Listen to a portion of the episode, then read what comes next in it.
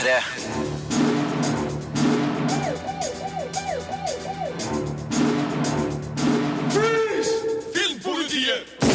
Det er fredag, klokka er over 11, og det betyr at det er Filmpolitiet-tid her på P3.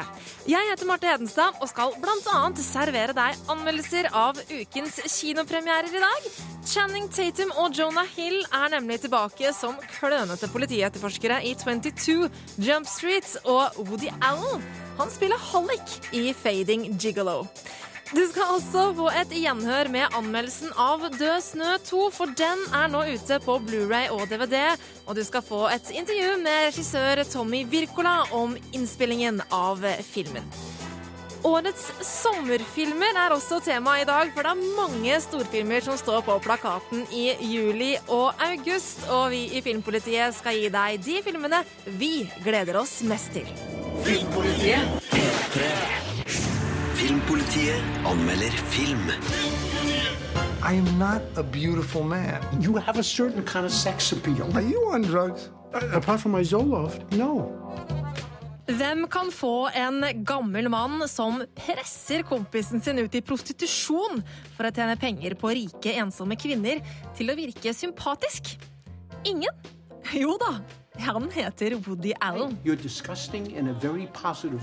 Regissør, manusforfatter og skuespiller John Turturro har laget en film som fort kunne ha blitt usmakelig, men som isteden er en varm og sjarmerende komedie. Fading Gigolo er en åpenbar hyllest til Woody Allens filmografi, og her gjør også Allen sin beste rolle på lenge. Allen spiller bokhandleren Murray, som går drastisk til verks når antikvariatet han driver, går konkurs. Hudlegen hans, spilt av Sharon Stone, er på jakt etter en profesjonell elsker hun og venninnen kan ha trekant med, og Murray overtaler derfor sin yngre kamerat Fio Varante, spilt av John Torturo selv, til å ta på seg jobben. Fio Varante er følsom, men mystisk, og slår godt an hos damene. Snart er etterspørselen stor, og Murray fungerer som en veldig usannsynlig hallik. Mm-hmm. I'm very impressed.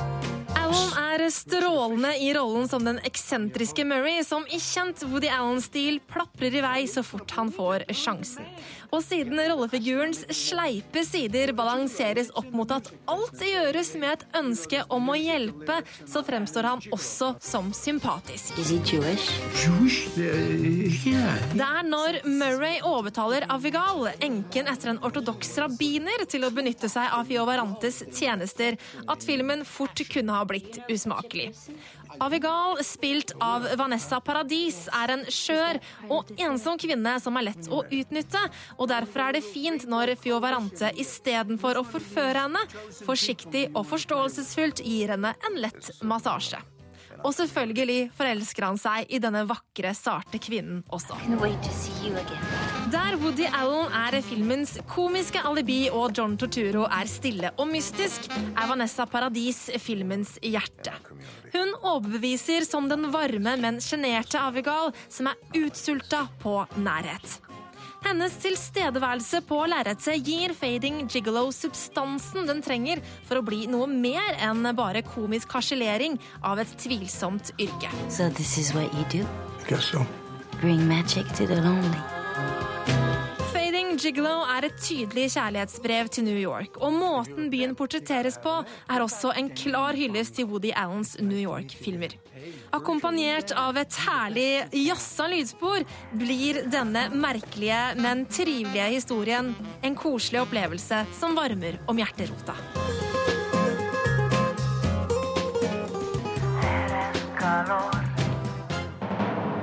Terningkast fire. P3.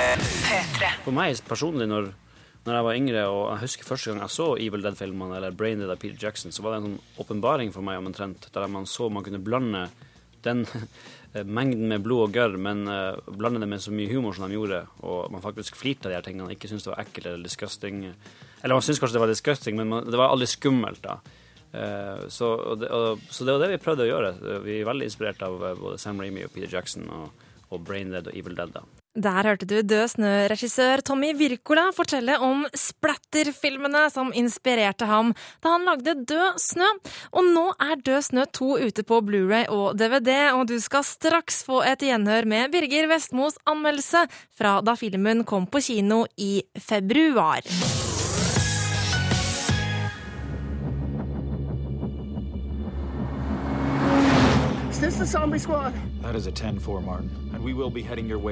Nazizombier går igjen amok i Død snø 2, og takk for det. Regissør Tommy Wirkola har skapt den rene og skjære galskapen i denne oppfølgeren. Takk for det òg. Her er det nemlig mer gørr, mer blod og mer gøy. Jeg lo rått av de verste øyeblikkene, og glist av mange andre. Den som er ute etter subtil filmkunst, bør kanskje se noe annet. Men som blodsprutende, tarmslyngende, grovkjefta og sjangerfeirende partyfilm er Død snø 2 vanskelig å slå. Martin, kan du høre meg? Velkommen tilbake. Filmen starter akkurat der den første slutta. Martin, spilt av Vegard Hoel, blir fremdeles jaga av Herzog, spilt av Ørjan Gamst, og hans zombiehær. De har kommet ned fra fjellet og nærmer seg tettstedet Talvik, der Martin oppdager at Herzog har skumle planer. Heldigvis får han uventa hjelp fra tre amerikanere som kaller seg The Zombie Squad, samt museumsverten Glenn Kenneth, spilt av Stig Frode Henriksen. Kom og ta meg hvis dere tør! Allerede i de innledende sekvensene settes humorstandarden. Jeg skjønte hvor det var når Martin kommer bort i radioen under en biljakt, og det dundrer ut tekno fra NRK P2. En uheldig nazizombie hekter fast tarmen sin i en knust bilrute og får dratt ut hele stellet. Og når Herzog forsøker å gi Hitler-hilsen etter at han har fått revet av seg armen, knekker jeg omtrent sammen. Hele filmen er gjennomsyra av slike gags som ofte er så teite at jeg bare må le. Humoren er kanskje basal og infantil, men den virker. Det beste av filmen foregår i fullt dagslys, som gjør det enda viktigere at effekter og makeup holder høy kvalitet, og det gjør dem. Høydepunktene på splatterfronten står nærmest i kø. Her får vi bl.a. ettertrykkelig demonstrert hva som er mulig å gjøre med tarmer og andre innvoller. Blodspruten står både fra zombier og deres ofre, og gjennom en svært fiffig manusvri har Martin nå en kroppsdel som er i stand til å utrette litt av hvert, uten å røpe noe. Fire! Filmen har et relativt stort persongalleri, og ikke all får like mye å gjøre. Halvard Holmen og Amrita Asharia spiller lokalt politi gjennom flere scener. Figurene har morsomme preg, men ender kun opp som observatører til det som skjer. Zombie-squaden, spilt av Martin Starr, Jocelyn DeBoer og Ingrid Haas, er et friskt innslag, og sikkert smart som markedsvennlig amerikanisering av filmen. Men figurene er ikke sterke nok, og forsvinner litt etter hvert som det brygger opp til oppgjør mellom Martin og Herzog. Du er ikke svett engang. Stig Frode Henriksen er litt av en opplevelse som den kjønnsutfordrede Glenn Kenneth, men morsomst er Kristoffer Joner i en liten, men spinnvill rolle som zombieoffer som stadig vekkes til live. I hovedrollen spiller Vegard Hoel med rett innstilling som komisk actionhelt, trolig med Bruce Campbells Ash-figur fra Evil Dead-filmene som den store inspirasjonen. Han vandrer gjennom det meste av filmen stenka i blod, samtidig som han leverer tørrvittige replikker om den søkte situasjonen han befinner seg i. All den unødvendige døden. Død snø 2 er definitivt plassert i B-filmland, med store doser sjangertro zombiegørr og lavpanna kill buljo-humor. Den har Tommy Wirkolas lekne signatur over hele linja, siden han har hatt nærmest frie tøyler denne gangen, samt mer penger å lage film for. Død snø 2 er større, bedre og morsommere enn eneren, og vil gå rett hjem hos fansen. Jeg er en av dem.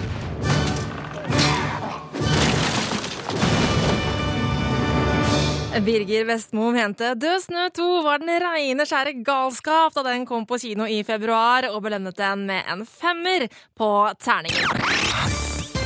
Da filmen hadde kinopremiere i februar, gjesta regissør Tommy Wirkola Rune Haakonsen her i Filmpolitiet. Og de eh, tok en prat om hvordan innspillingen av filmen hadde vært. Med meg i studio akkurat nå, Tommy Wirkola, regissøren bak Død snø 2. Eh, Tommy, eh, den har jo da filmen nå hadde premiere i Norge på onsdag, og du har eh, fått vist filmen til en del norske publikummere. Hvordan har den norske responsen vært så langt? Um, veldig bra. altså. Den, som sagt, den, den, vi har jo vært heldige med at vi selvfølgelig på premierene er fulle saler og feststemte folk, så, så folk er veldig med. Og, og nei, det har vært veldig, veldig fint. Vi viste den til venner fra Marta i går, og jeg er enda, enda ikke arveløs. Jeg tar det som et godt tegn. Du, har skjedd, altså det har skjedd veldig mye eh, som har skjedd forskjellig fra innspillingen av Død snø 1 til Død snø 2. Du nevnte dere reiste til Island for å spille inn uh, nummer to. Hvorfor, hvorfor Island? Nei, det er rett og slett øh, et økonomisk øh, spørsmål. Vi, vi hadde ikke sjanse å matche prisene vi fikk fra Island, med tanke på at de har en såkalt insentivordning, der vi får 25% tilbake av alt vi bruker. Så når vi så på tallene, så, så det var ikke i nærheten engang øh, å kunne sammenligne. Så hvis vi, vi hadde ikke råd, vi hadde ikke kunnet lage den i Norge, dessverre. Så vi måtte stikke til Island, og der var de veldig hjelpsomme. Og, og vi, vi faka Island for Nord-Norge, rett og slett. Hvis eh, lytterne går inn på p3.no filmpolitikk, kan man se eh, anmeldelsen av Død snø 2. Og allerede i dette lille korte klippet så er det ganske mye gørr. Det er tarmer, og det er ganske heftig. Har du noen artige historier fra settet? Hvordan, hvordan var det å lage en film som var så fullstappa med, med gørr, egentlig? Nei, det Jeg syns jo det, det er artig, selvfølgelig. Det jo, det, det er mye jobb. Det, det er artig, men eh, folk innser ikke uh, ofte hvor mye mye jobb det er med praktiske effekter. Jeg er veldig fan av praktiske effekter og gjøre det eh, på den gammeldagse måten istedenfor å bruke CGI. og f.eks. Kristoffer Joners karakter, som da går gjennom en kraftig forvandling gjennom filmen. eh, På det meste så måtte han sitte syv timer i sminkestolen. Altså syv timer, det, det er ganske heftig. og og en, eh, en tålmodighetsprøve for enhver skuespiller. eh. Men eh, i hele tatt så var det en, det var en kjempefin innspilling på Island, og bra crew. Og vi hadde blant annet hadde vi jo en tanks med i filmen. Um, og det viste seg at uh, den, vi, eller den fikk vi shippa inn fra Sverige. De har aldri hatt en tanks uh, i Islands historie på hele øya, faktisk. og eh, så når tanksen kom, kom eh, til landet, så var det stor ståhei i, eh, i havna. Hele, hele havna på, i Reykjavik tok pause og ville sitte på tanksen rundt omkring på joyrides. Så den eh, fikk vi mye oppmerksomhet for på Island. og vi måtte faktisk betale for hvert eneste tre vi kjørte ned. De er veldig, de er veldig glad i trærne sine på Island. Men stort sett gikk det smertefritt for seg og, og som planlagt. og det var, ja, Vi hadde det veldig artig, og det tror jeg det, tror jeg det ses på filmen òg. Det sa regissør Tommy Wirkola om innspillingen av Død snø 2, som nå er ute på Blu-ray og DVD. Filmpolitiet på P3. Sommeren er godt i gang, og eh, når det er sommertid, så betyr det også at det er kinotid. Og derfor er hele Filmpolitiets redaksjon eh, samlet i studio nå, for vi skal nemlig ta en prat om sommerens store kinofilmer. Rune og Birger, velkommen. Hallo, Marte. Tusen takk. Det er, vi gleder jo oss til mange gode filmer den sommeren her, ikke sant? Ja, det er mange som tror at vi eh, også spretter ut i sola, i parker, ligger og griller store deler av sommeren, men det er jo en kjensgjerning at eh, sommertid også betyr eh, store filmer på kino, og det betyr gode tider for filmpolitiet. Ja, Det er deilig å komme seg inn i en eh, sval kinosal faktisk, etter å ha blitt kokt i huet. Det er det. Og vi skal rett og slett starte med en av de filmene jeg gleder meg til eh, i sommer. My name is Jim. I'm Lauren. Got you buffalo shrimp with a sauce on the side.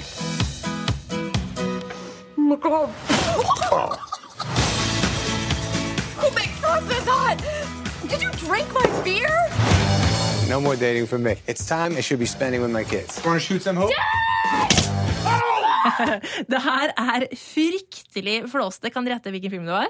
Nå, nå er jeg helt blank. Jeg aner ikke. Det her er faktisk Blandede følelser, eller Blended som den heter på engelsk. Og det er.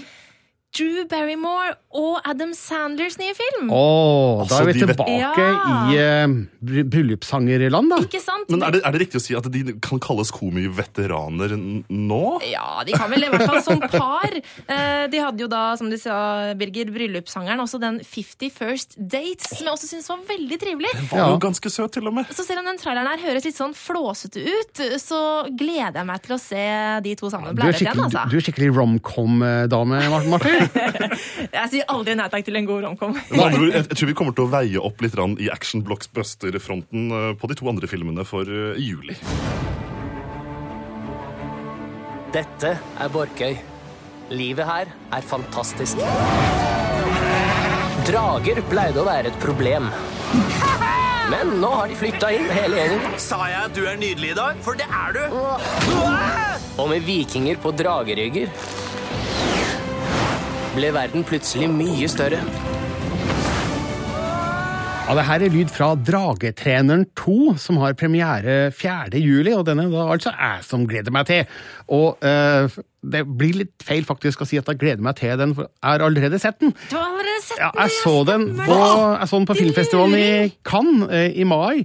eh, Og fikk allerede der et eh, innblikk inn i det som jeg tror blir sommerens store familiesuksess. Men du så den jo ikke med Alexander Rybaks flotte røst. Nei, jeg så den med original engelsk eller amerikansk tale, da, om du vil, så jeg må jo se den om igjen, da, sammen med kidsa mine, fordi eh, det er jo det er jo den eh, måten jeg er vant til å se slike filmer på, nemlig med norsk tale. Norsk dubbing, bra kvalitet, og jeg syns Rybak gjorde en kjempefin jobb eh, på den første Dragetreneren-filmen, og det gjør han sikkert også i den andre, som utvider hele universet fra den første filmen, for nå har eh, menneskene blitt eh, Vikingene. Ja, vi, unnskyld, vikingene. Blitt er venner, blitt venner med dragene og bruker dragene til å komme seg rundt i et forrykende tempo, men oppdager da um, en uh, fiende som jeg ikke skal avsløre noe mer om her, som gjør at uh, det, blir, det blir spennende for både Hikken og hans drage Tannlaus. 4. juli, sa du? 4. juli er premieren på Dragetreneren 2, og jeg kan jo avsløre såpass at de har faktisk vært i Norge for å gjøre research eh, før filmen, eh, blant annet på Svalbard, og de har vært i Bergen også, for å finne ut litt om eh, ja, utseendet da, som Dragetreneren 2 har, så det er litt gøy da med norske øyne. I den filmen som jeg gleder meg til i juli eh, altså Vi har vært innom da eh, film med ekte skuespillere. Vi har nå vært innom animasjonsfilm. Den filmen jeg gleder meg til, kombinerer disse to elementene. Apes! Do not want war! Should we shoot him? Maybe. Oh, hey, whoa, whoa. hey, hey, hey. oh, you want a drink? Oh, okay, all right. Easy. Easy. All right. 18. juli så blir det Dawn of the Planet of the Apes. Og jeg har gåsehud. Altså, jeg gleder meg ikke til denne filmen. Hvorfor ikke?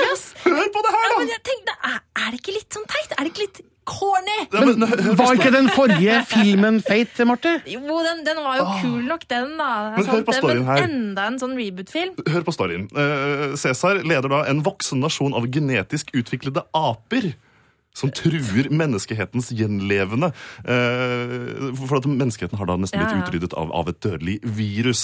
Og nå begynner denne konflikten å, å, å- spisse seg til på hvilken rase er det som vil stå igjen som jordens herskere.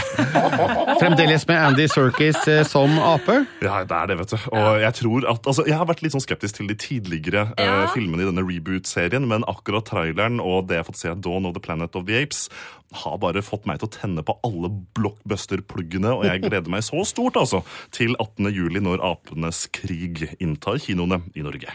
Det var tre av våre forhåndsfavoritter for kinosommeren, men det er jo mer på kinoprogrammet, og straks skal du få høre hvilke tre augustfilmer vi gleder oss til.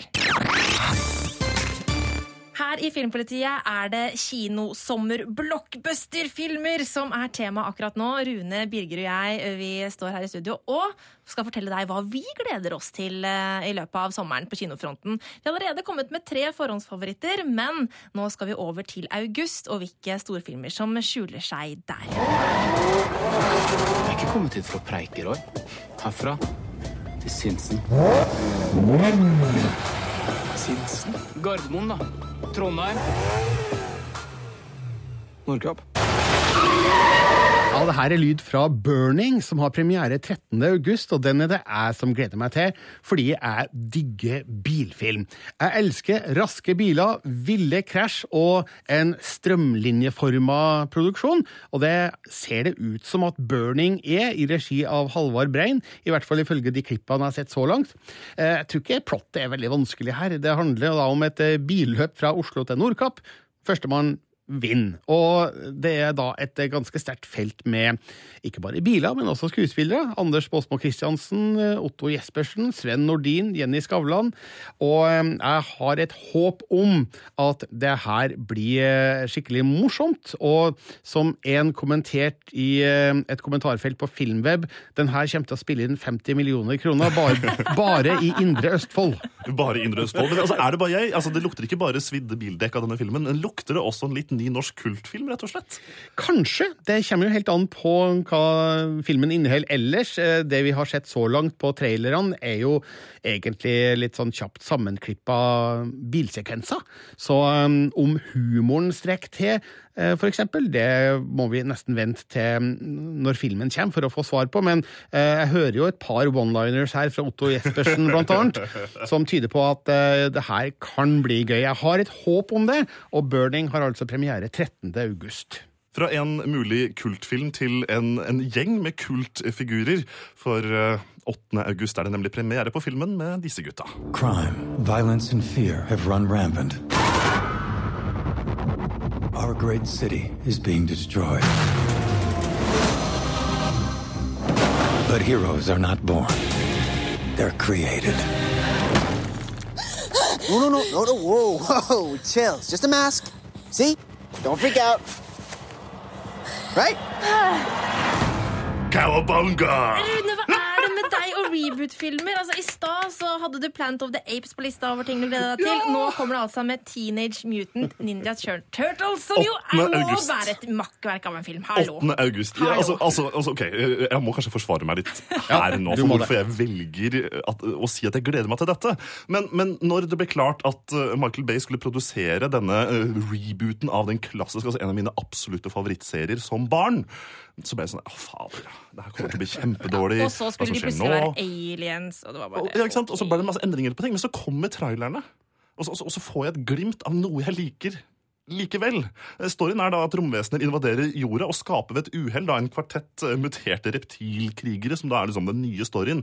Det er ikke lenger kloakkbasert. Men, men det som har fått vist så langt i trailerne, gjør at jeg likevel gleder meg. Jeg har troa på at den nye Teenage Mutant Ninja Turtles kan gjenopplive denne gamle franchisen, og eh, jeg må si det blir nok ikke det høyeste terningkastet, men jeg gleder meg som bare det. Men tror du de sier Kawabanga i 2014-versjonen? Altså, Hvis de ikke gjør det altså Det er den ene tingen. altså Jeg, jeg kan ta til takke med at mye endres, men hvis de ikke sier Kawabanga, så kommer jeg til å personlig sende et, et brev til regissør Jonathan Lie- Liebesmann og si at dette holder ikke.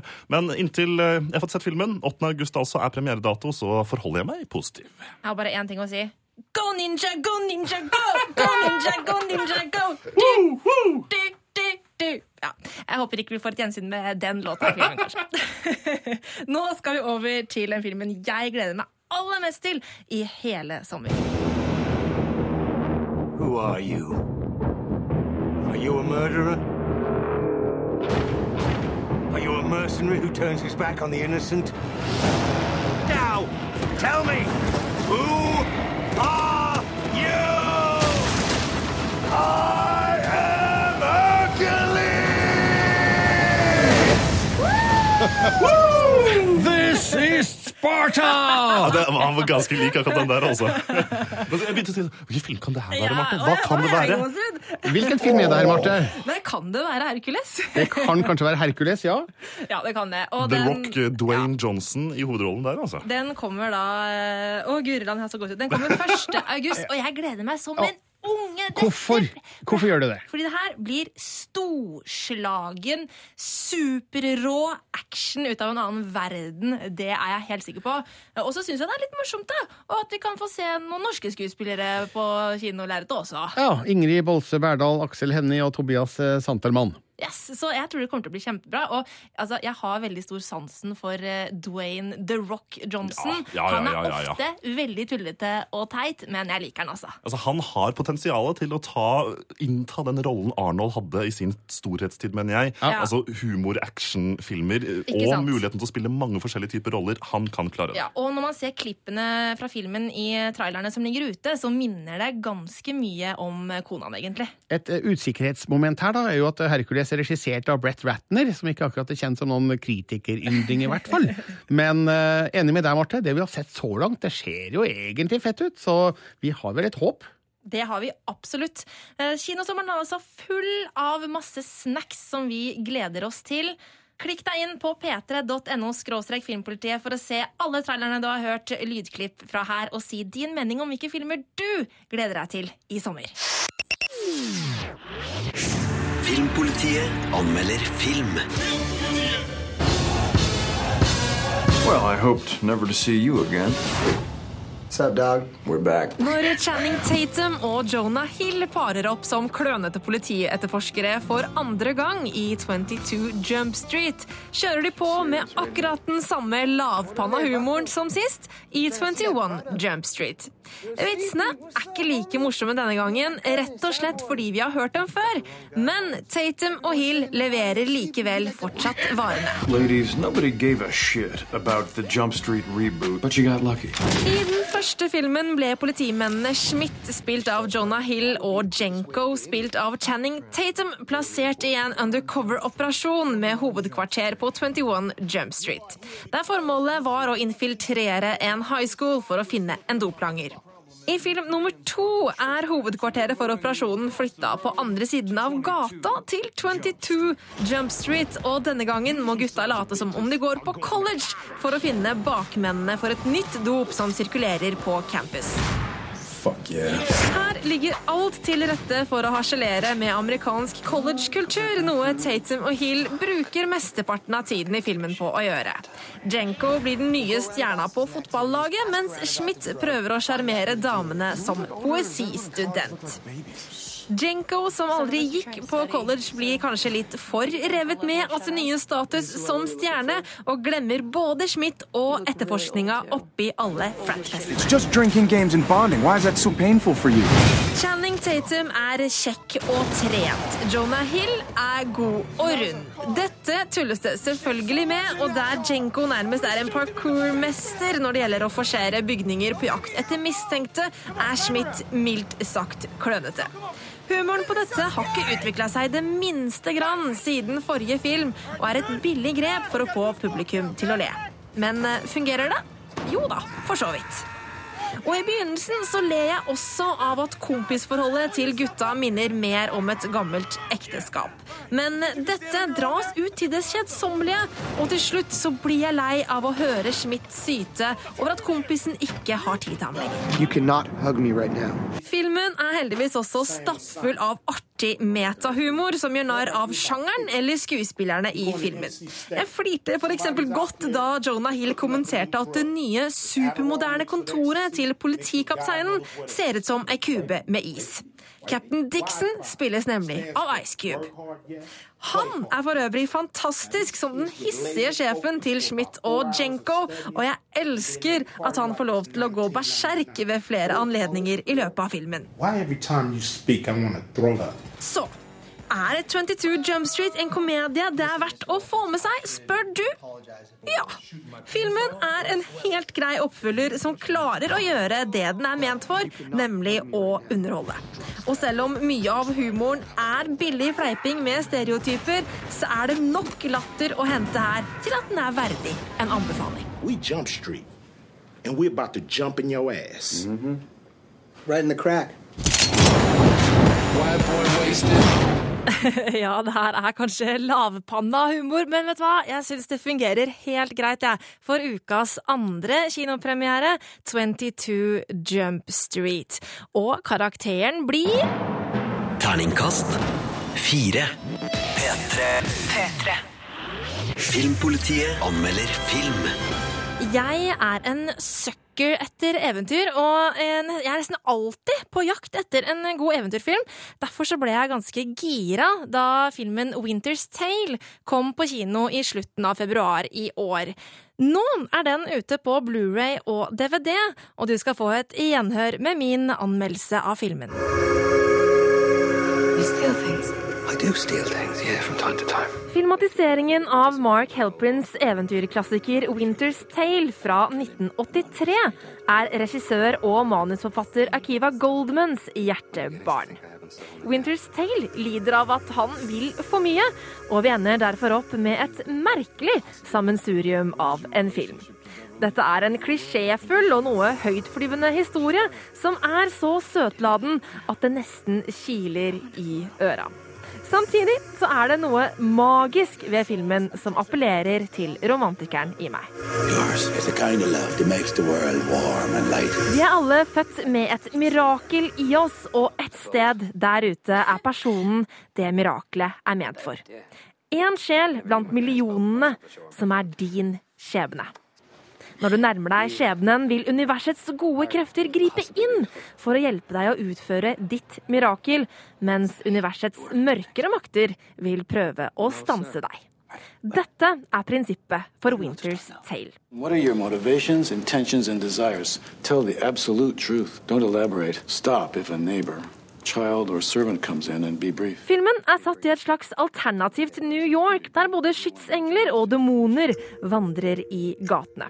Og handler om innbruddstyven Peter Lake, spilt av Colin Farrell, som forelsker seg i en ung kvinne som bor i et hus han forsøker å rane. Den vakre Beverly Penn, spilt av Jessica Brown Findley, lider dessverre av en form for overnaturlig tuberkulose, og hun har kun få måneder igjen å leve. Er dette kvinnen Peters mirakel er ment for? Kan han redde henne hvis han bare elsker henne nok? Universets krefter settes i sving, og Peters skytsengel, en magisk hvit hest, og demonen slash gangsterlederen Perly Soames, spilt av Russell Crowe, gjør det de kan for å hjelpe og stoppe Peter fra å utrette sitt mirakel. Det er veldig fristende å skrive en slakt av Winter's Tale, men tross sine store mangler så klarer filmen å fange min interesse. For det er noe magisk og eventyrlig ved dette universet som fungerer. Og mye av det skyldes den gode kjemien mellom Colin Farrell og Jessica Brown Finley.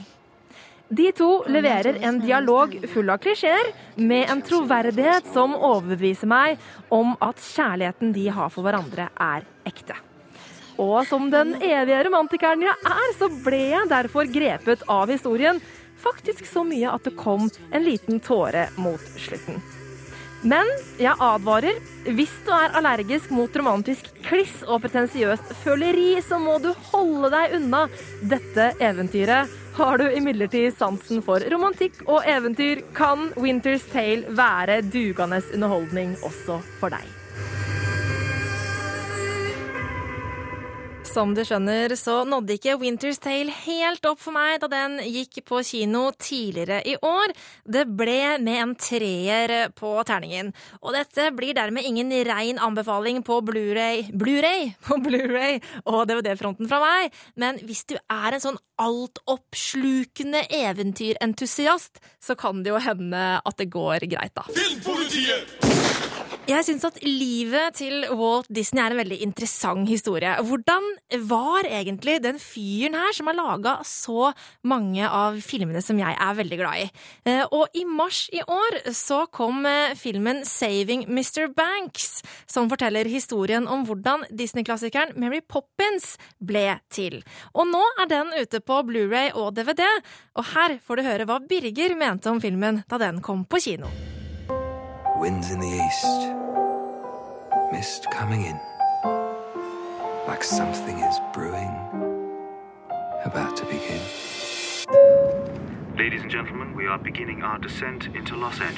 Når Walt Disney Pictures lager film om forhistorien til en Walt Disney-film, med Walt sjøl som en av hovedfigurene, kan man ikke forvente et altfor skarpt og kritisk blikk på begivenhetene. Saving Mr. Banks er en sukra og sentimental beretning om hvordan Musehuset forsøkte å få filmatisert Mary Poppins. Jeg er ikke helt sikker på hvor nært virkeligheten den ligger, men filmen har òg en emosjonell klangbunn som gjør meg lett rørt, og fabelaktige rolleprestasjoner fra både Emma Thompson og Tom Hanks. Forfatteren Pamela Travers, spilt av Emma Thompson, reiser motvillig til Los Angeles i 1961 for å utarbeide et manus av sin berømte bok Mary Poppins. Der møter hun Walt Disney, spilt av Tom Hanks, som setter hun i samme rom som manusforfatter Don Dagradi, spilt av Bradley Whitford, og komponistbrødrene Robert Sherman, spilt av BJ Novak, og Richard Sherman, spilt av Jason Schwartzman. Disney har forsøkt å overtale Pamela i 20 år til å selge rettighetene, men hun tviholder på dem, og tilbakeblikk til hennes barndom i Australia kan forklare hvorfor figurene i romanen er så viktige for hun. Det er jo ingen hemmelighet at Mary Poppins faktisk ble en film i 1964, så spenningsmomentet ligger ikke der. Det som gjør historien interessant, er hvordan Pamelas ekstreme beskyttelsesinstinkt krasjer med Walts velmenende ambisjoner. Det resulterer i flere skarpe replikkvekslinger mellom mennesker med ulike syn på det endelige produktet. Filmen beskriver òg godt hvordan Pamela gjenopplever barndommen gjennom arbeidet med filmmanuset, og tar et indre oppgjør med minnene. Mary Poppins I tilbakeblikkene spiller Colin Farrell en kjærlig far som stadig vekker datteras fantasi med sine påfunn. Farrell spiller godt, sjøl om rollen kanskje er i overkant hjertelig, åpenbart for å gjøre kontrastene så store som mulige når voksenlivets utfordringer slår inn. I 1961-historien spiller Emma Thompson svært godt med en åpenbar sårhet bak et tilknappa ytre. Tom Hanks makter sjølsagt å skape en troverdig figur av legendariske Walt Disney, sjøl om mistanken automatisk vekkes om at det er en glansbildeversjon vi får se. Saving Mr. Banks er kanskje ikke den vanskeligste historien om en films tilblivelse, men den er søt og sympatisk og med en fornøyelig tidskoloritt fra 60-tallets Hollywood, som for eksempel Mad Men-kjennere vil ha glede av. Den har til og med detaljer som at SAS var et av de større flyselskapene på LAX på den tida. Og med klasseskuespillere som Thompson og Hanks i spissen kan ikke det her gå gærent.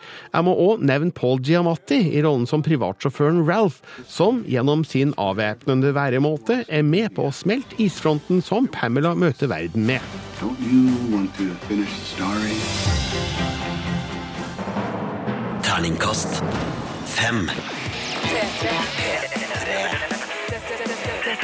Filmpolitiet Med Marte Hedenstad. NRK. P3. Tusen takk for at du hørte på Filmpolitiets podkast. Jeg heter Marte og styrer spakene i Filmpolitiet neste uke også.